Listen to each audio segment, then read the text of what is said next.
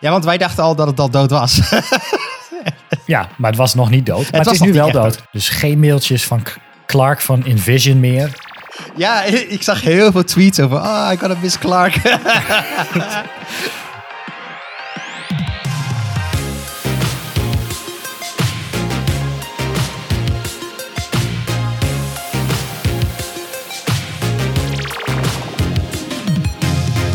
Welkom bij de Pixel Paranoia podcast. Mijn naam is Rick en samen met mijn co-host Michelle gaan we alles behandelen rondom UX, UX, UI en front-end development. Jux. En ja, het is even weer alweer iets langer tussen de afleveringen, want eh, ziekte en Ik was vakanties. Michelle was dood, maar eh is back. back alive. Dus ja, en, en ja, er is van alles nog wat gebeurd. Dus eh, let's dive right in. Yes. En zal ik dan maar gelijk beginnen met het slechte nieuws. Invis- Invision stopt. Ja. ehm, volgens hadden wij het er nou in de podcast over? Hadden we het er gewoon los ergens over met elkaar? Een tijdje terug. Eh, volgens mij bij de, die ehm, tool van Oh ja. ehm, de die survey van meest gebruikte Ja, tools. Ja, ja, ja. Ja, want wij dachten al dat het al dood was. Ja, maar het was nog niet dood. Maar het, was is nu wel echt dood. Eh, maar nu wel, ja. Nee, 4 januari inderdaad eh, heeft de, de directeur een, eh, een blogpost geschreven dat Invision ja, design stopt. Ja, Ehm, en dat is, ja, ze zijn een beetje ondergegaan in hun eigen, ten onder gegaan aan hun eigen succes, volgens mij. Want de, ja, je had Sketch, er was geen Figma. Je had geen manier om samen te werken, geen manier om echt te prototypen. Dat zat niet in Sketch. Nee. Ehm, dus daarvoor gebruikte je ehm, eh, InVision. Daar kon Ja. je dan je, kon je prototypes eh, maken. Later hebben ze, dat heb ik nooit gebruikt, maar ik zag dat InVision dus ook InVision Design heeft, wat eigenlijk een beetje zou moeten concurreren met Ja. Sketch en, ehm, en Figma zelf. Ja, ze hebben in hun hoogtepunt hebben ze echt vele miljoenen opgehaald eh, aan funding rounds om, ja, om hier een product van te maken. ja. Maar na twaalf jaar eh, moeten ze helaas de stekker eruit trekken, omdat ehm, ja, de andere partijen te groot zijn geworden en alle tools eh, ja, in zich hebben, eh, waardoor InVision niet meer, niet meer nodig is. Nee, en blijkbaar hadden ze ook een tool gemaakt dat heet Freehand. Ja, Ik, ik, dat ken ik niet, maar dat, ik- ha- dat behandelden we tijdens de laatste survey. Dat freehand is dus overgenomen door Miro, Miro, ja. volgens mij. Ja, dat ja. dan weer wel. Dus ehm, niet alles is voor niks geweest. Dus ik, Maar InVision zelf eh, is eh, een end of, eh, end of an era. ik ga er nou vanuit dat die CEO nog wel met een zakje geld weggaat, zeg maar. Toch? Dat, dat, denk ik ook wel. Maar ik denk ook dat er vele miljoenen wel zijn verdampt. Dus geen mailtjes ik- van ik- Clark van InVision meer. Ja, ik zag heel veel tweets over. Ah, ik had Miss Clark. maar blijkt dus dat Clark is daadwerkelijk een werk... Niet, niet die Clark, maar dat, er is daadwerkelijk een werknemer geweest... die heet Clark bij Invision. Ja, dat precies. grappig. Ja, die, dat, die mailde altijd. Dan kreeg je weer van die nieuwsbrieven van... Ja. eh, hey, it's Clark from InVision. Clark was echt huge trouwens. Of ah, is Clark, eh, Invision, sorry. InVision. Invision was toen echt huge. Dat was echt de tool om, om, om shit met elkaar te doen. Ja, om En, prototypes eh, ze te hebben- maken. Ze hebben volgens mij daarna nog even een tijdje zo'n eh, design system manager-achtig ding ook gehad. Ja, Eh, Klopt. Toen, ik weet ja niet dat was helemaal Invi- zeker. InVision, InVision DSM inderdaad. InVision Ja. Design System Manager. Ja, klopt. Was- die hebben was- Figma er toen al? Ehm, Weet ik weet, ik, zo niet. Maar wat je dan inderdaad in dat, in dat design system manager deed, is je kon daar volgens mij je designs in importeren en je kon er dan volgens hele beschrijvingen bij zetten over hoe Ja. je componenten moesten werken en zo. Ik weet nog dat ehm, wij voor een redesign van een verzekeraar dat hebben gebruikt. Ja, in check. een vaag verleden. Dus, maar goed, dat was het, eh, het, het, het slechte nieuws. Eh, als je het nog gebruikt is, slecht nieuws. Eh, als je het ooit hebt gebruikt, dan ehm, ja, Ja, ik, ik, la- ik las net dat dus als je een enterprise eh, user bent, dan, dan is het nog tot eind dit jaar. Eh, dan, dan houden ze het systeem nog eh, online, zeg maar. waar voor je geld. Ja. Maar anders heb je pech.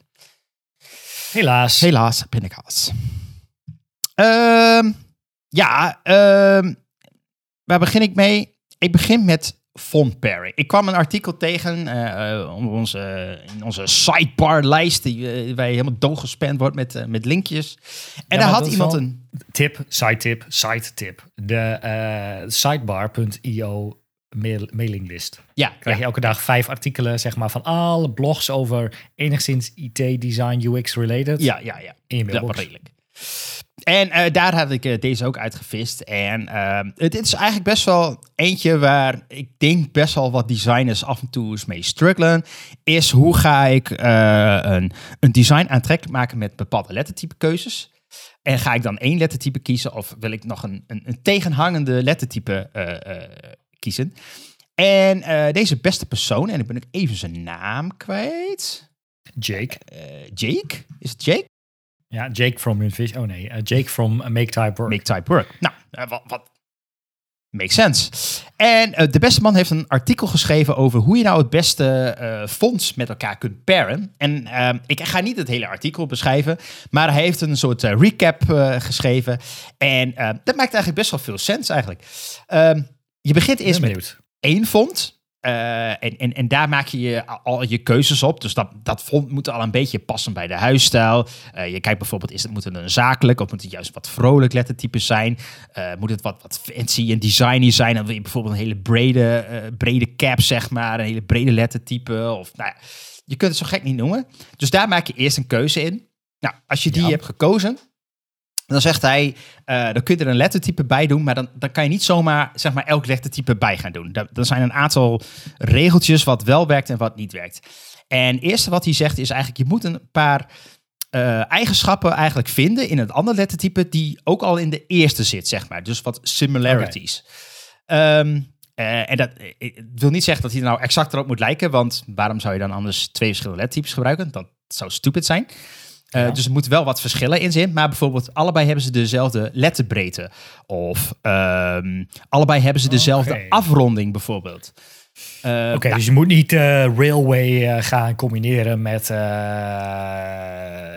weet niet, Comic Sans. heel smal vond. ja, met Comic Sans. Nee, je moet niks combineren met Comic Sans. Nee, maar Railway is, dat, is zo'n heel, breel, heel breed Ja. lettertype. Ja. Ehm, en ik weet zo even geen heel smal lettertype in mijn hoofd, maar... geen idee. Maar in- maar inderdaad. is al heel smal. Want, want dan, dan, dan heb je gewoon een, een beetje een, een, mismatch. Maar hij zegt ook van, eh, wat, ik net al zei, van ja, je moet dus niet exact een soort gelijk lettertype kiezen, want ja, dan heeft het geen zin. Dus je moet wel wat contrasterende eigenschappen eh, eh, pakken. En dat zorgt er eigenlijk voor dat het, dat het design er wat uit gaat, eh, gaat springen. Ehm, en, en ja, en heeft hij een soort van vierde tip. Eh, Dit is een beetje een lastig, want hij zegt van ja, je moet wel een beetje de harmonie eh, vinden in, in beide. En het moet nog wel een beetje visual appealing zijn. Eh, dat, dat is heel erg, dat ligt een beetje aan smaak. En, en ja, je moet niet, niet te wild gaan, dan, dan, dan, dan gaat het natuurlijk nergens naartoe. Ehm, en je moet goed nadenken over welke rollen deze lettertypes gaan spelen. Dus eh, eh, de ene moet misschien juist de aandacht trekken. Dat wil je gebruiken voor grote displayfonts. En die wil je juist lekker groot knallen. Bijvoorbeeld, en de andere, misschien wel de- je, je eerste font, je base font. Dat moet juist eh, voor readability zijn. Voor lange content Oh. En, dus je moet Check. elk, elk lettertype even een rol geven. En, en en in die rol houden, zeg maar. En, en niet op die manier door elkaar gaan gebruiken. Nee, oké, dus je, je tweede lettertype, je secundaire lettertype kan best je heading font zijn. Ja, Nee, sorry. Je tweede lettertype is je, ja, is je heading font. Ja. En je eerste lettertype is je body font. je body bijvoorbeeld. Ja, Ja, oké. Ja, dat, dat, eh, dat zou zeker kunnen. Ehm, ja, en, en ehm, eh, nou ja, wat als laatste tip nog geven is... je moet zorgen dat voor de juiste emotie in de, in de relationship eh, van die twee fonts... Ehm, ehm, eh, wat hij daarmee bedoelt is van... Nou, eh, de lettertypes hebben een, een, een job, zeg maar, een, een taak die ze moeten vervullen. Wat ik net al zei, of readability bijvoorbeeld... of juist, het moet juist een beetje schreeuwen... Ja. Ehm, en, en, en dat moet je in harmonie zien te brengen. En, en ja, dus niet alles door elkaar heen te eh, brengen en et cetera. Dus het, het geheel moet allemaal nog wel een beetje passen. Dus het is wat met nuances, een beetje, beetje tweaken. Maar ik, vind- ik vind het wel een, een paar goede tips. En hij gaat er veel dieper op natuurlijk in. Hij, hij laat allerlei voorbeelden zien over wat je wel en niet moet doen. En ehm, ja, ik Zijn vond het de, interessant. zijn de voorbeelden boven dit artikel die jullie niet zien, want je luistert dit. dat zijn combinaties die dus niet bij elkaar passen. Ga Ja. ik dan vanuit. Ja, Nou ja, sommige vind ik niet heel gek. Alleen sommige Nee. dingen, ja nee, dat klopt niet. Dan heb je inderdaad een veel te breed, enorm lettertype met een Ja, niet bijpassend onderlettertype. Anyways, check. Je, maar dus eh, ik moet- vond het een erg leuk artikel. En eh, ik zou zeggen, eh, neem het mee, lees het mee, lees het door. Ja, nee, dat is zeker handig. Ja, want soms dan heb je denk van, oh, dit is echt een vet heading font, zeg Ja. maar. Lekker bold of zo, past bij het bedrijf, past bij de, de, de, de uitstraling en de, hoe het moet smoelen. Alleen dan ben je op zoek naar een, een body font die daar dan soort van bij past. En dat is nog wel eens tricky. Dat, dat Maar, is zeker tricky. En, en wat moet ik wel eerlijk zeggen? Ik was eh, ehm, eh, laatst ook weer met een nieuw project begonnen. En dan zit ik naar, naar eh, bijvoorbeeld, ik kijk dan even door de library van, van Google Fonts. Maar dat, dat, ik, ik vind eigenlijk eh fonts.google.com eigenlijk heel vervelend. Eh, je hebt namelijk veel te veel opties. En het is heel lastig om lettertypes met elkaar te gaan vergelijken. En in één oogopslag zien van, eh, waar, waar ben ik nou eigenlijk naar op zoek? Ja, Eh, dus Ja. ik, ja... wat ik ook lastig vind is, nu je variable fonts hebt, Mm. kan ieder lettertype, kan praktisch alles worden. Ja, Het is ja. een soort, want ja, je kunt hem, als je lettertype niet breed genoeg, boep, gewoon breder maken. Oh, is niet hoog genoeg, boep, slant, alles. De- je kunt Je de weight dus aanpassen. eh, op die manier natuurlijk wel één lettertype kunnen kiezen. En op, met, met een variable ja. twee varianten gaan maken die Van hetzelfde wel werken. Ja. Nee, dat is waar. Maar inderdaad. Maar eh, inderdaad, dat geeft behoorlijk stuk veel variabelen mee. Ja. Alright. Dus, eh, dus dat. De Free Secrets to Font Pairing. Ja. Alright. Ehm, ik kwam een... ehm, deze is alweer van december. Maar in december had de HTML-hel... html.dev. Die had Ja. hun adventkalender. Net als vorig jaar hebben we dit keer geen aandacht aan besteed. Maar die hadden elke dag een blogpost met... eh, ehm, nou, alles wat te maken heeft met HTML-hel. A.k.a. accessibility, styling, issues en dat soort dingen. En er was Ja. een artikel dat ging over de bad parts van HTML. Nou, is er ook een bad parts van CSS. Ehm, die heeft, heeft de CSS Working Group volgens mij ook op een wiki of op GitHub staan. Dat zijn de ehm, ja, keuzes die ze ooit verkeerd hebben gemaakt, maar niet meer terug kunnen draaien. Ehm, zoals de, de, de, wat is het, white space no wrap zonder streepje en de, Oh, de, ja. de, al die ongein met break word, break all. dat ding heet word, word, word wrap volgens mij. Break, oh, ik vergeet dat ding altijd. Ja. Nou goed, allemaal van dat soort eh, keuzes waar ze achteraf niet achter stonden. Ehm, dit stukje gaat over HTML-elementen die niet, ehm eh, dus niet van de, van de working group zelf hoor, maar iemand die eigenlijk een artikel heeft geschreven over welke HTML-elementen een beetje ruk zijn. En eentje daarvan. ja, of, eh, of misschien niet druk, maar niet waar ze je zou van moeten gebruiken misschien. nee, oké. Nou ja, sommige zou je helemaal niet moeten gebruiken. Ja, ja, oké. En. En sommige die, eh, ja, die, die zijn gewoon dus slecht geïmplementeerd. Maar goed, de eerste is select multiple. Nou ja, select ken je wel. Ja. Select element kun je options ingooien, krijg je heel mooi een drop-down. En dan kun je iets selecteren.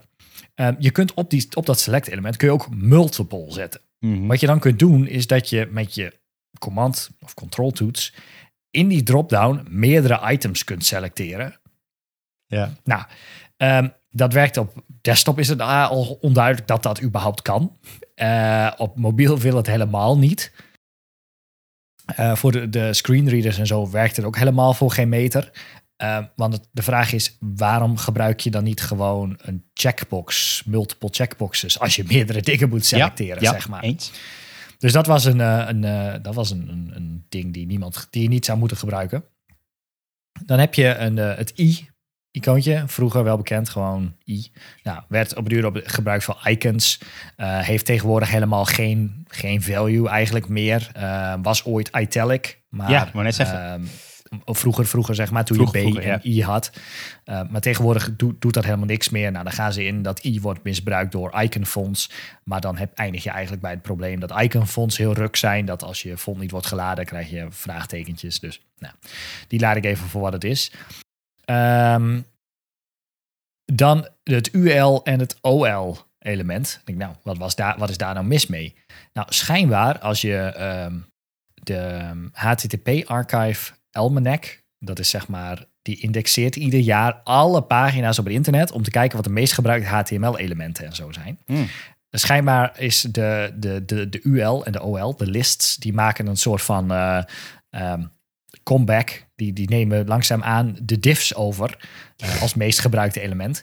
Omdat uh, nou, developers schijnbaar ehm, de neiging hebben om overal maar lijsten voor te gebruiken. Hmm. En dat is schijnbaar zo erg dat Safari inmiddels ehm, voor screenreaders een lijst niet ziet als een lijst als hij buiten een nav-element staat.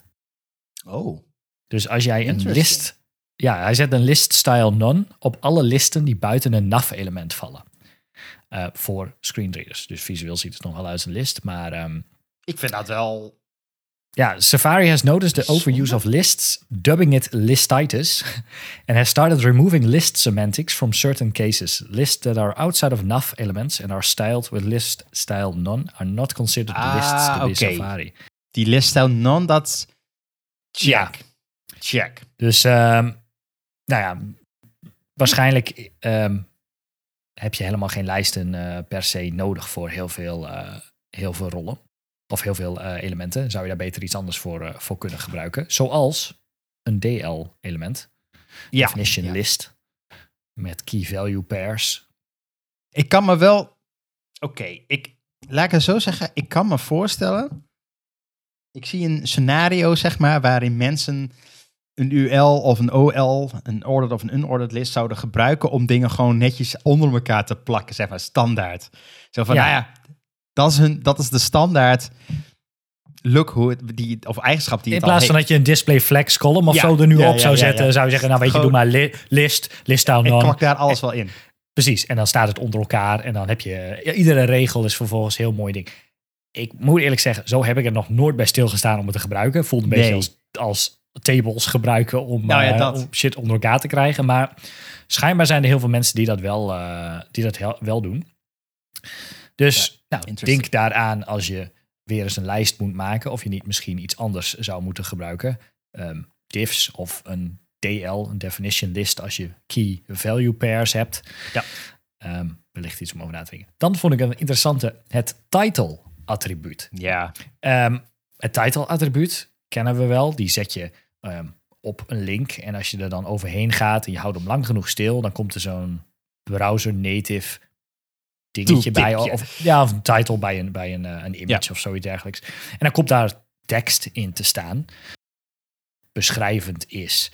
Alleen, er zijn een aantal dingen mis met dat title attribuut. Ehm, als je namelijk als keyboardgebruiker, maar niet visueel beperkt, ehm, door zo'n website heen gaat, dan krijg je dat ding nooit te zien. Want je kunt Nee. immers met je toetsenbord niet hoveren over iets heen. Dus je krijgt dat nooit te zien. Ehm, als touchscreen user op je telefoon kun je dat ook niet doen. Dus krijg je ook nooit die eh, toegevoegde tekst. Hij is niet te stylen. Dat, Je kunt er helemaal, helemaal 0,0 mee. Ehm, het duurt net te lang voordat je hem te zien krijgt, zeg maar. Meestal weet je niet helemaal niet, tenzij toevallig je muis echt echt wel, wel een seconde of zo. Het is echt lang. Het, je moet hem echt is te lang, te lang op Ja. dat element houden voordat je dat title attribuutje te zien krijgt. Ehm, je kunt vervolgens niet over de tooltip heen hoveren als die er wel is. Eh, dus je kunt niet je muis bewegen erbuiten of de tekst erin selecteren of, of überhaupt iets mee doen, want dan is hij niks weer weg. mee. Nee. Eh, schijnbaar schalt de tekst in de tooltip niet mee met ehm, als je inzoomt op de pagina. Dus dat is ook nog eh, niet handig. Ehm, tekst in de tooltip wrapt niet. Dus dat ding wordt gewoon oneindig lang en dan steekt hij uit je pagina. Ehm screenreaders doen er helemaal niks mee. Er is Dus- trouwens een. Ik weet niet of jij dat weet. Ken, ken jij de. ehm, God, er is een, een hele eh, eh, bekende eh, comic, eh, webcomic, X, XKCD. Ja, zeker. Ja, En die maakt gebruik van dat ding, van dat element. ja, ja, ja als je er Als inderdaad met je muis egg. dan, dan krijg je de tip over, Ja. of dan krijg je de achterliggende info over dat ding inderdaad. Dus ik zou net zo denken, stel ze halen dit eruit, dan heeft deze gast gewoon een probleem, zeg maar. Ja, nou ja, ja. Ik Ja. weet niet of ze het eruit halen. Maar je kunt er in ieder geval niks mee. Het voegt Nee. niks toe. Praktisch niemand heeft er wat aan. eh, tenzij je dus een muis hebt en die te lang stilhoudt op een element waarvan je toevallig weet dat dat daarin zit. Maar eh, het title attribuut. Ja. Ehm, eens even kijken, wat heb ik nog meer? Ja, deze vond ik ook wel leuk. Hier kwam ik recent pas achter dat het bestond. Toen dacht ik, holy shit, dit is super vet. Een datalist. een datalist is een element die lijkt op een, ehm, op een, een inputveld, maar dan met autocomplete, native in je browser. Dus als je een datalist element hebt, dan krijg je een. ehm, eh, of je kunt een inputveld maken, sorry. Ja. Ehm, je hebt een datalist attribuut. Dat is een beetje een soort van select, maar je ziet hem niet. Dus je maakt een datalist, die geeft je options. Ja. Eh, je geeft dat ding een ID, dat ding is niet zichtbaar. Eh, op je input geef je hem eh, een list is en dan het ID van jouw datalist mee. En als je dan begint te typen, dan krijg je autocomplete suggesties uit die datalist die hidden is. Wat? Dat werkt? Dat werkt. Holy shit. Sterretje. Ja, dat dacht ik ook. Daarom staat hij ook bij deze HTML Ja, ja, ja, helppage. ja, ja. Want ik had dat ding gevonden. Ik dacht, wow, dat is handig als je inderdaad zelf een keer een autocomplete moet maken. ja. Ehm, alleen is dat ding dus ook maar half geïmplementeerd door alle browsers. Want in Chrome ehm, Nice. eh, eh, komt dat autocomplete boxje wel onder het veld. Maar als jij wegscrollt, blijft het autocomplete boxje ergens halverwege de pagina hangen. Maar je inputveld die gaat, scrolt wel gewoon mee. Ehm, in Chrome op Android valt die schijnbaar over je toetsenbord heen. Ook dit ding respecteert niet je zoom level. Dus hij zoomt niet mee, zeg maar. Hij blijft gewoon klein. Eh, desktop screenreaders kunnen er helemaal niks mee. Het werkt niet in Firefox. Ehm, nou, dus eh, ook weer zo'n element die ooit bedacht is. Ja, het werkt vet, hè? What the fuck? Ik zie echt dingen. Ik, ik, sorry, ik zie echt de, ik zit de, de, eh, de MDN eh, docs te bekijken van dit eh, element. Ja, Maar ik, ik, ik zie een range selector, zeg maar, waarin je voorgedefinieerde eh tickmarkers in een range ding kan hebben. Dus, dus dan snap je zeg maar naar bepaalde waardes in een range eh, selector, zeg maar. dat, dat kan handig zijn. Het- dit- maar dit is totaal... De, die ken ik niet trouwens. Maar Nee. dat is een, een wel goed geïmplementeerd ding. Of kwam je dat toevallig tegen? Ik, ik kom het niet. Ik, dat heb ik dus geen idee of dit überhaupt werkt in, in andere. Maar het, het werkt hier nu in mijn browser wel redelijk. Het, wauw, dit weird. Ik, ik ken dit echt niet. Ik ken het hele element niet. Nooit van gehoord. Maar interessant. data, datalist, hè, hebben we het over. Ja, ja, ja, datalist. Ja, ja. Ja, oh, in een combinatie met die... ehm, Ja, met, met, een, met een range, eh, input range, zeg maar. Check, check, Eh, check. en dan kun je dus waardes meegeven die Ja. in die range zitten. ja, Wauw. ja nou, maar schijnbaar Maar- is het, werkt het dus maar overal Half. een beetje half. En kun je dit ook niet stylen. Ehm, alternatief hiervoor is een select box of een eh, combo box. Maar ja, eh, een combo box maken, dat kunnen we een hele aflevering over maken. Ja, dat is. dat is ook nog een dingetje. Maar. Anyway. ja, ga, ga er eerst maar door. Ga eerst maar door. Ja, ik wil deze niet te lang houden, maar de laatste is een input type number. Zie ik heel vaak voorbij komen. Eh, developers die een denken, hey, we hebben een input type en dan moet een telefoonnummer in of een nummer, een getal, een weet ik veel, Ja. iets. Laten we, eh, dat, is, dat is een nummer. Type is number. Het probleem is alleen dat, volgens mij staat op MDN zelf ook van, eh, deze moet je eigenlijk niet gebruiken, input type number, want die is namelijk gewoon super ruk. Want Ehm er zit eh, dat plus-min icoontje, of dat, dat, dat pijltje omhoog, pijltje naar beneden ding, die is Ja. super klein. Ja, klopt. die kun je ook niet stylen. Eh, je kunt scrollen in dat veld en dan gaat de value fucking rap omhoog en net zo hard weer naar beneden. Ja. Ehm, nou, er zijn nog een aantal andere dingen mis mee. Je kunt namelijk ook daar toch stiekem wel getallen invullen. Want als je namelijk een E invult, dat is een exponentieel. Dat ding kan namelijk, eh, volgens mij mag je 1 tot met 9 en 0 invullen. Een E en een dakje. Uh, Eh, dus eh goede tip. Als iemand een inputveld verwacht met een type number, ga er lekker E's en dakjes in stoppen, want dan sterft alles als ze het opslaan. good one. Good. Ehm, En maar volgens mij is ook, ook de implementatie trouwens per browser echt compleet anders. En, en Ja, volgens niet mij altijd wat je verwacht. Nee, nee. Dus die, eh, maar wat je daarvoor moet gebruiken is een input type tekst met een input mode numeric. En als je dat erop zet, dan krijg je namelijk ook op mobiel dat 1 tot en met 9, 0, eigenlijk een beetje zeg maar de bel, eh, Ja, ja. eh, be- belding, het toetsenbord. Die krijg je dan te Ah. zien. En je kunt met een pattern, pattern is, en dan kun je een regex meegeven, en doe je gewoon 0 tot 9. eh, kun je namelijk wel zorgen dat je in een input type tekst alleen 0 tot 9 mag invullen en het juiste toetsenbord krijgt op mobiel. En everybody's happy. Dit is echt best wel een solide tip, moet ik eerlijk zeggen. Dus eh, Ja, nice. geen input type number gebruiken. Ja. Is gewoon, wordt afgeraden door eigenlijk Smart. gewoon de hele wereld.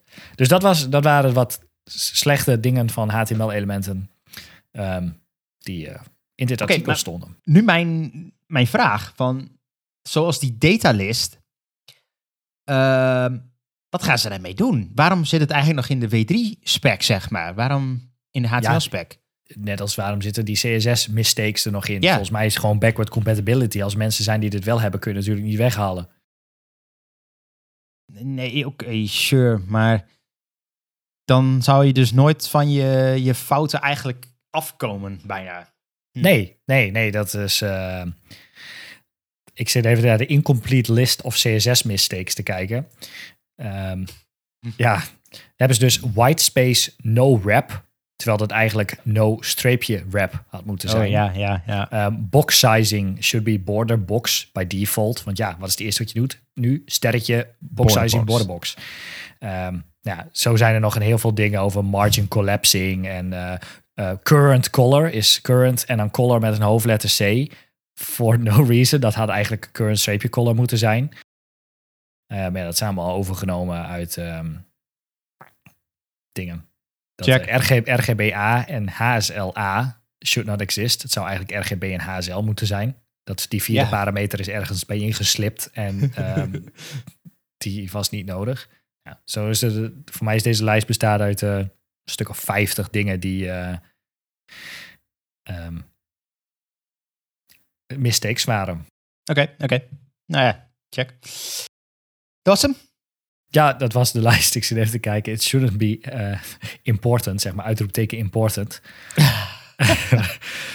dat eh, reads to engineers as not important. We should have picked another way to write this. True. Ehm, ja, wij hadden het, eh, jij zei het vandaag al tegen, tegen mij. Ehm, maar ik dacht, ik zoek eh, ook nog even de tweet van eh, Mr. Brames erbij. Want die, die, die tweet af en toe wel hele toffe dingen. Maar ehm, in de, de nieuwe Chrome 121, eh, die heeft nu support voor de scrollbar-width en de scrollbar-color. Zonder dus de, de WebKit eh, prefix. Ongelooflijk. Dat nu is- nog dat is wel Firefox en dan Ja. zijn we er bijna. Firefox doet er Safari namelijk helemaal niks mee.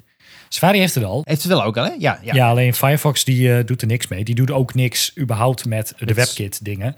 Nee. Die heeft twee andere, compleet andere values, maar daar heb je ook helemaal niet zo heel erg veel aan. Nee, dus, dus inderdaad hopen dat die nog meegaan. Maar dit is wel, eh, ja, dit is wel nice. Dit is ook gewoon hoe die gestandardized is bij de, de CSS-spec. Dus dat is, is awesome. Eindelijk. Nice. Ik zit heel even naar de lijst te kijken of ik dat goed zeg. Ehm, want nee, ik, wat ik net, ik lieg. De scrollbar width en de scrollbar, ehm, wat was het? Scrollbar width en scrollbar Color. color. Die Ja. twee zijn wel geïmplementeerd in Firefox, maar die waren niet geïmplementeerd in Chrome. In Chrome. Alleen er zijn nog een aantal WebKit specifieke ehm FUM track en FUM eh dingen. Dus je kunt, in, je kunt in Firefox nu en dus ook in Chrome kun je dus de achtergrondkleur van je scrollbalk en de breedte van de scrollbalk kun je aanpassen. aanpassen. Maar je kunt nog niet de, de, de hoe heet dat ding, de FUM, het, het, het knopje waarmee je zeg maar... de tracker. eh, de, de- ja, die kun je nog niet in Firefox stylen, maar wel in Chrome en in Safari, want daar is een WebKit prefix voor. Scrollbar. eh, ik ik zie het inderdaad. Eh, en Firefox die heeft helemaal nog geen support dus voor die scrollbar width. Eh, WebKit slider FUM is dat. Check. Huh. Daarmee kun je, kun je dus inderdaad het, eh, het slidable ding doen. Want inderdaad, met die andere kun je heel mooi de scrollbar ook groot maken. En je kunt hem heel breed maken, maar je kunt niet het ding zelf doen. Dus, nou. Nee. Maar Chrome heeft in ieder geval non-prefixed support. Awesome. Dus dat Awesome. is Eh, dat, dat, was even een, een, een klein eh, dingetje. Eh, ik had nog een andere, iets, iets wat groter. Of eigenlijk is het een gigantisch artikel, moet ik eerlijk zeggen, van The Verge. echt, echt huge. Maar wel een heel goed artikel. Ja. En het gaat namelijk over een beetje dat Google een beetje het web gesloopt heeft. Nou, dat is een- heel overdreven natuurlijk. Het, het heeft niet Clickbait helemaal gesloopt. Maar ze hebben wel heel veel websites naar hun hand gekregen. En Ja. ehm, eh, als je er een beetje over nagedacht en als je het artikel een beetje leest, denk je, ja, verrek, dat zijn inderdaad wel heel veel websites nu schuldig aan die dat uh, maar doen om maar hoger gerankt te worden in Google. Want dat, dat, is, dat is een beetje de reden waarom heel veel websites dat doen. Yep. Um, wat ze ook aangeven is dat Google is eigenlijk verantwoordelijk voor 90% van alle uh, zoekresultaten op het web. Dus dat is echt nog steeds huge. ze hebben gewoon een mega monopolie te pakken daarmee. En uh, nou, Google promoot heel erg websites om aan, aan SEO-verbeteringen te doen. En dat heeft uh, een positieve kant. Uh, want de positieve kant daarvan is dat mensen ook al daarmee automatisch gaan nadenken over dingen als accessibility. Ja. Want als jij je HTML gewoon netjes goed in elkaar hebt zetten en dat scheelt dat voor de accessibility. Maar vindt Google als ehm, search engine dat ook heel erg fijn. Dus ja, dat is een kan positief het, die kan het gewoon beter indexeren. Zie je? Ja. Ja. Weet je, je geeft er gewoon letterlijk een inhoudsopgave met een boek en anders dan mik je gewoon een hele berg tekst op hem en dan moet hij zelf maar uitvogelen. Dus dat True. je scoort beter als je het netjes structureert True. en netjes indeelt. Ja. Oké, maar dan hebben we, stel we hebben dat gedaan, we zijn, we zijn er klaar. Alleen, dan ben je er nog niet. Of beter gezegd, zou je je website nog meer willen optimiseren, wil je echt bovenaan staan. En zij hebben er eigenlijk uh, in hun artikel eigenlijk een, uh, een, uh, een blogwebsite gemaakt over lizards. en ze hebben er gewoon eigenlijk gekeken van, nou, wat moeten we nou doen aan die website om hem ja, bovenaan in Google te krijgen. En dan zie je dat ze allerlei technieken toepassen. En als je dat dan een beetje ziet dat het resultaat is, dan denk je inderdaad, ja, verrek, dit is eigenlijk zoals het halve web eruit ziet. Ja. Uh, met met uh, catchy titeltjes, weet je wel, in de, in de tekst met, met vragen, zeg maar. En dan zit daar in de andere onderwerp, in, de, in het uh, alinea eronder zit dan het antwoord verwerkt, zodat de Google uh, Search Engine dat beter oppakt. Ja, ze en... beginnen dit artikel inderdaad met hun, een website over uh, hun lizards. Ja. En dat is gewoon een, ja, uh, laten we zeggen, een lelijk design, maar gewoon ja, lekker, ja. lekker custom sure. websiteje. En dan beginnen ze inderdaad van, nou weet je, we moeten beginnen met toevoeg, alt-teksten toevoegen aan de plaatjes. Dat is niet alleen, dat is een stukje accessibility, dat is natuurlijk altijd goed, maar ook voor Google, want die weet volgens wat, wat er in die plaatjes, wat voor plaatjes dat zijn en of je dat hoger of lager moet, moet ranken. Nou, vervolgens hebben ze het over van, hey, dat uh, design, dat is wel heel leuk uh, custom en een beetje lelijk. Uh, maar ja, het is beter als je natuurlijk een standaard uh, template pakt of een volgorde of een structuur die Google wel kent. Dus ja, dan krijg je al een beetje je standaard blog. Zo in het midden alles uitgelijnd. Ja, de, ja zoals het Verge artikel zelf ook. En dan inderdaad vervolgens gaan ze in van oké, okay, maar onze ding, onze Lizard website bestaat nu voornamelijk uit foto's met, met heel veel tekst. Ja, dan moet eigenlijk wel allemaal uh, aan een beetje clickbait title boven en Ja. wat clickbait vraagachtige uh, vragen tussenin van uh, gaan mijn lizards mij vermoorden? Vraagteken. En dan onder dan nee, natuurlijk doen ze dat niet. Bla bla bla. bla. Maar dat zijn dan weer dat zorgt Should you je- cook your lizard? ja, ja, precies. Dat zorgt er dan voor dat je dus in Google, als jij zoekt op Should You Cook Your Lizard, dat je dan die, die accordeons krijgt die dan direct uitklappen met dus nou ja, je tekst die jij op je website hebt Ja. staan. Maar ehm, nou ja, zo, zo gaan ze dus. eh, en zo gaat het maar door en door. ja, en dan hebben ze het erover, ja, maar nu is het eigenlijk niet meer. Eh, en het is geen unieke website meer. En het is helemaal niet zoals ik het ooit in gedachten had. Maar ja, het zorgt er wel voor dat mijn Lizard-pagina opeens gevonden wordt. Ja. Nou, Ja, en, en, en het, fascinerend. eh, het mooie ook, hoe het, hoe het een beetje eindigt dus. eh, en, en de website die het dan is, is het is een beetje... Eigenlijk als je de content gaat lezen, slaat het eigenlijk nergens meer op. Het is allemaal over-exaggerated, zeg maar. Zijn Ja. dingen, zijn facts aangepast. En het maakt allemaal niet uit, want Google pakt dat op als unieke content en die indexeert jou en die zet jou bovenaan. Dus hoe, hoe, het lijkt wel een beetje van hoe meer je gaat, gaat schreeuwen, zeg maar, om het maar zo te zeggen. Hoe meer bullshit Ja. je erin propt en met alleen maar keywords. eh, helemaal geschreven naar, naar keywords. Dat, dat is dan het resultaat. En ik, volgens mij hadden wij een, een aantal afleveringen hadden we het ook over. Had ik een rant over, zeg maar, hoeveel. eh, of hadden we het allebei erover? Dan, dan zoek je op een iets wat je in code wil fixen. Weet je wel, een stukje, een stukje code. Of je hebt een probleem bij een van een stukje software. En dan vind je zo van die talloze mega SEO-optimized websites die allemaal bullshit artikelen Stack hebben over. Overflow hebben gekopieerd met Ja. allemaal meuk eromheen.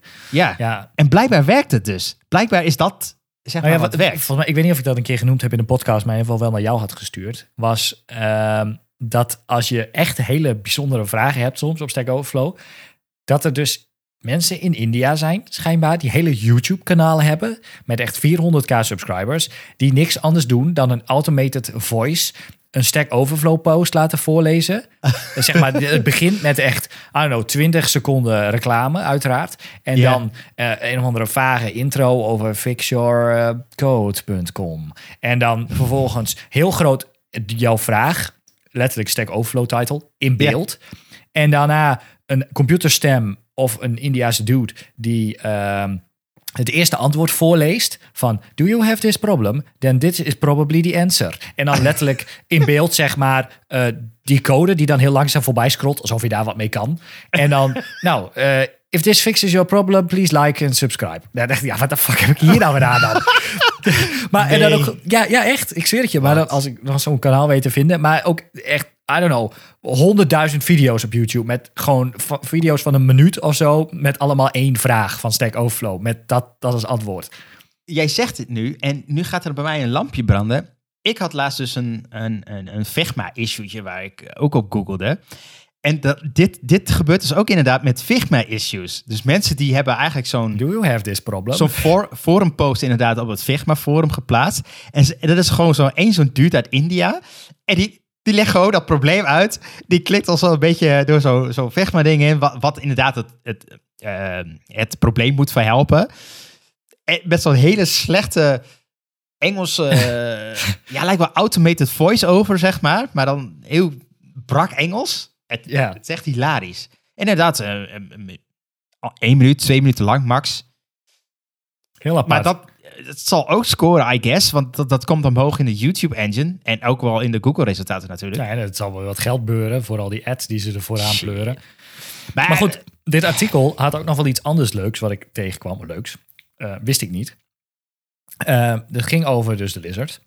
En um, we have to prove to Google that we know uh, what we're talking about when it comes to pet lizards. So let's add bylines and offer pictures to every post, plus a sentence about why we're qualified to write about our topic. And let's go the extra mile. And also add something about why you should trust our work.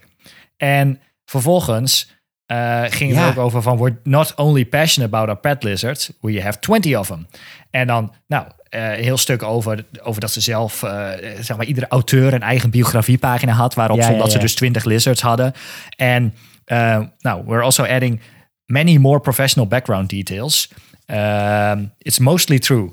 Can Google even tell? nou, Ja, nee.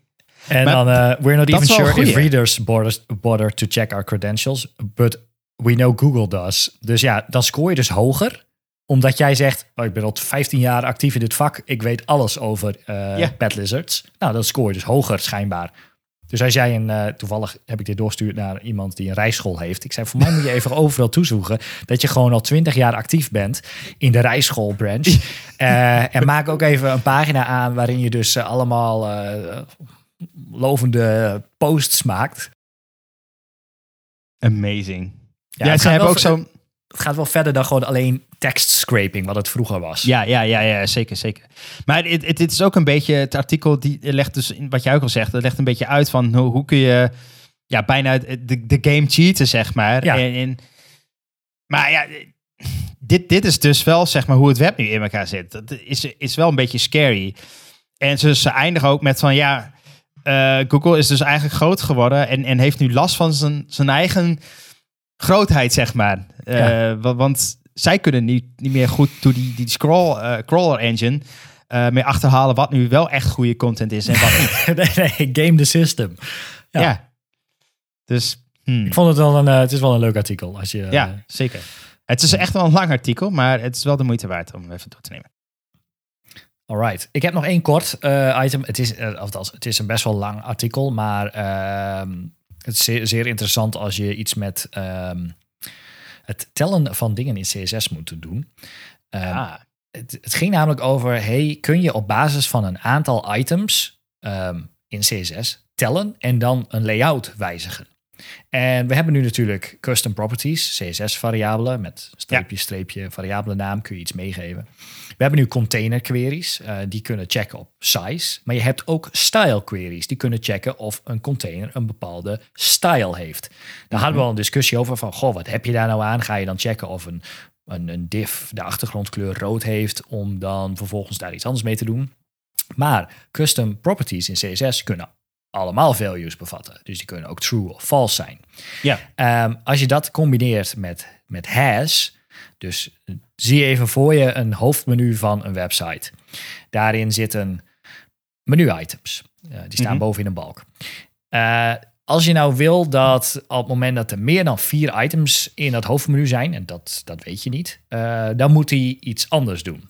Ja. Wat je dan zou kunnen doen, is met de hash selector kijken of jouw navigatielijst, bijvoorbeeld ja. een NTH last child, n plus 4, dus dan begin je pas te tellen vanaf het vierde item. Ja, ja. Uh, op het moment dat dat zo is, dan zou jij uh, een CSS custom property kunnen zetten, bijvoorbeeld dash dash layout 2, die kun je op true zetten. Ja. Dus je checkt nu van, hey, ik heb een navigatiebalk bovenin, daarin zit een, uh, een list, die wordt wel in Safari getoond, want het is een, zit in je navigatie-element. maar goed, je hebt bovenin een navigatielijst, daarin zitten dus items. Op het moment dat dat er meer dan vier zijn, yeah. dan zet hij met dubbele punt hash op de parent element, dus die custom property, op true. Uh, dan zou je vervolgens kunnen checken met een container query, die je kunt checken op een style van hey container, dus Yeah. mijn navigatiebalk, heeft die een custom property die true is? En dat heeft hij omdat er meer dan vier items zijn. En dan zou je bijvoorbeeld daarbinnen uh, de items anders kunnen stylen of een hamburger tonen. Dat soort dingen. Ja, dus, dus als je cool. één item hebt, dan uh, checkt hij dus van, hey, zijn het er meer dan vier? Nee, dus dan blijft, dan zet hij niet die custom property, dus dan bestaat hij niet. Dus dan heb je 0, 1, 2, 3. En op het moment dat er vier zijn, dan zegt hij, hey, dit is true. Oké, dan zet ik nu die custom property op true. En dan kun je volgens met die container query checken. Staat hij op true, dan wil ik nu graag een hamburger tonen in plaats van deze vier items. Dit is wel echt super awesome. Want normaal gesproken doe je dit vaak met een, weet je wel, een van de backend taal. En dan ga je gewoon tellen. Uh, ik Ja. moet een lijst genereren. En ik wil bijvoorbeeld uh, het vierde item moet een andere klas krijgen of zo, weet je wel. Want Ja. daar moet iets mee gebeuren. Mhm. Nu kun je gewoon dus tellen met hash. Ja, of, er, Dat, of, nou ja, sowieso, een NTH-child. ja, daarmee kun je inderdaad, kon je al tellen of het natuurlijk eh, meer, Ja, meer dan tuurlijk. vier. Je kunt niet zien je kunt eh, niet, hoeveel, je niet weten hoeveel. Nee. Je weet niet of er inderdaad negen in zit of zo, maar je weet wel dat er meer in zitten dan vier. En op Dan basis daarvan kun je dus een Maar dat, dat, dat is al best oké.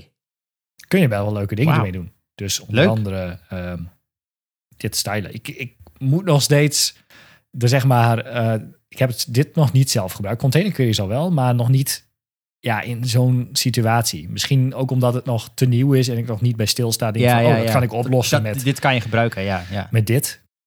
Plus dit is dan nog zo nieuw dat je dit waarschijnlijk nog niet direct zou willen gebruiken nu. Ehm, want Check. tenzij je iets heel fancy's aan het maken bent wat eh, het nieuwste van het nieuwste heeft. Van ik wil het liefst ook Subgrid gebruiken. Dat kan nu Ja. overal. Maar ja, Ja. weet je, dat is het laatste jaar pas actief. Vorig jaar pas echt volledig Ja. geïmplementeerd. Dus als je dat nu gaat gebruiken, dan mist Ja, wel true, true, een deel de boot. Dus, True. maar goed, ehm, Ja, top. Volgens mij ehm, zijn wij dan wel door ons lijstje heen. ja, En dan lopen wij ook alweer mooi in de tijd. Dus dan gaan wij naar een footer.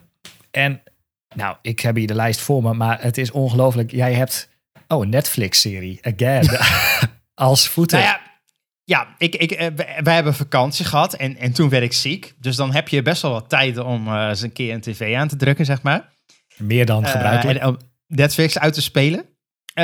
Maar er kwam toevallig, en daar was ik wel heel blij mee, een, een, eh, een serie eh, net in begin januari eh, eh, online op Netflix.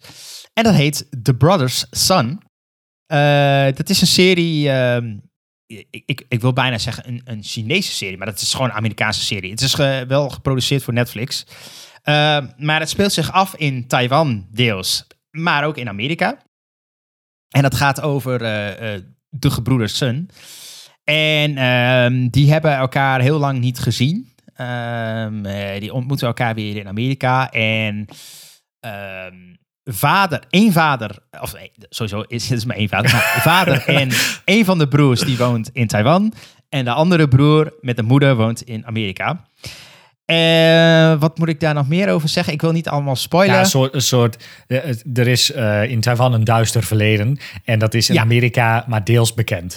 Ja, en. Ja, op het moment dat ze op visite komen, breekt de pleuris uit. Daar komt het eigenlijk op neer. Eh, echte pleuris, ja. ja. Dus sowieso, serie, ik vind hem erg vermakelijk. Goede muziek, zit echt goed in elkaar. De, het zijn vooral heel veel mood swings, wil ik zeggen. Want dan is het eens weer happy. En dan is het een dikke actie. En dan is het weer sad. En dan... Het is een beetje een soort... Ja, wat is het? Het is, het, is geen, het is geen thriller of zo. Het is een beetje een soort Nee. comedy-achtig crime Het deed me action. een beetje denken aan die, die film eh, van, van vorig jaar. Eh, weet je wel, met, ook met die Chinese dame die daarin zit. Eh, Oh, eh, eh, oh, everything, all, ja, bla bla bla. Everything oh. All at Once. Daar doet het wel een beetje... Die stijl wel een beetje. Ja, hetzelfde stijl, ook dezelfde actrice. Zelfde dan. actrice, ja. Een van de twee, of één in ieder geval. Check. Nee, eh, ja, ik, ik was er ook al aan begonnen, maar eh, inderdaad. Dus eh kijk, Ah, eh, nou, zeker. Ik, ik- ik denk dat heel veel luisteraars dit moeten kijken. Ja. kijkt goed weg in ieder geval. Eh, ik heb een hele saaie tip. Ik heb eh, nog eens om me heen gekeken. Heb ik nog dingen gekocht? Ja. Is dat het vermelden waard? Een oplaadbrick? Nee, niet echt. Toen dacht ik, wat gebruik ik nou elke dag? Wat, ja, Ja. dat is... Toen kwam ik bij SVG OMG. Ehm, nou, wellicht bij sommige mensen bekend. Maar het is een website. eh, SVG, oh my god waar je je SVG'tjes kunt optimaliseren. Eh, waarschijnlijk, als het goed is, hoop ik dat heel veel mensen eh, logo's eh, en icoontjes niet meer als JPEG'jes of PNG'tjes opslaan. Of gebruiken op de website, maar inmiddels gewoon gebruiken als, als SVG'tjes. Alleen als je die kopieert uit Figma of uit InVision of uit... ehm, nee. Jezus, duurde even. Eh, of uit Illustrator. Dan kopieert hij eh, heel veel extra ID's mee en, en wrappers en rectangles en andere dingen die je allemaal niet nodig hebt. Ehm, en het is, een hele, het is een website. Het is heel simpel. Je kopieert je SVG, je code uit je browser, eh, uit, je kopieert uit de Figma, whatever. Je paste het daar gewoon in, command V. Dan zie je hem verschijnen. En dan zie je gelijk rechts onderin hoeveel procent hij kleiner is geworden. Nou, je hebt er nog een heleboel aan opties. Een deel van die opties Ja. zegt mij helemaal niks. Eh, een aantal dingen kun je aanzetten naar preference. Wil je bijvoorbeeld de height en de width eh, van de SVG afhalen? Wil je de viewbox aanpassen? Ehm, nou, wil je nog een aantal andere dingen doen? Meestal als je gewoon de standaard settings doet en je doet er niks mee, dan, Ja. nou, ik zou zeggen 50%, eh, of 30 tot 50% besparing is er sowieso wel. Ja, ja. En zeker. dan denk je, ja, maar zo'n SVG'tje is alleen maar een paar karakters code. Hoe ingewikkeld kan het wezen? Nou, als je heel veel van die icoontjes op je website hebt, dan wil dat nog wel eens aantikken eh, tot, in de, tot in de KB's.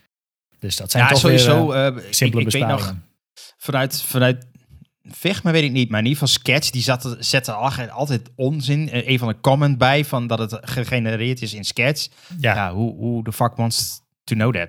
Ja, ja dat, dat inderdaad, generated in Sketch of Illustrator doet dat ook. En dan vaak Ja. zitten er ook nog extra rectangles en gradients en weet ik Yep. veel andere defs bij die helemaal, die, die helemaal niet nodig zijn.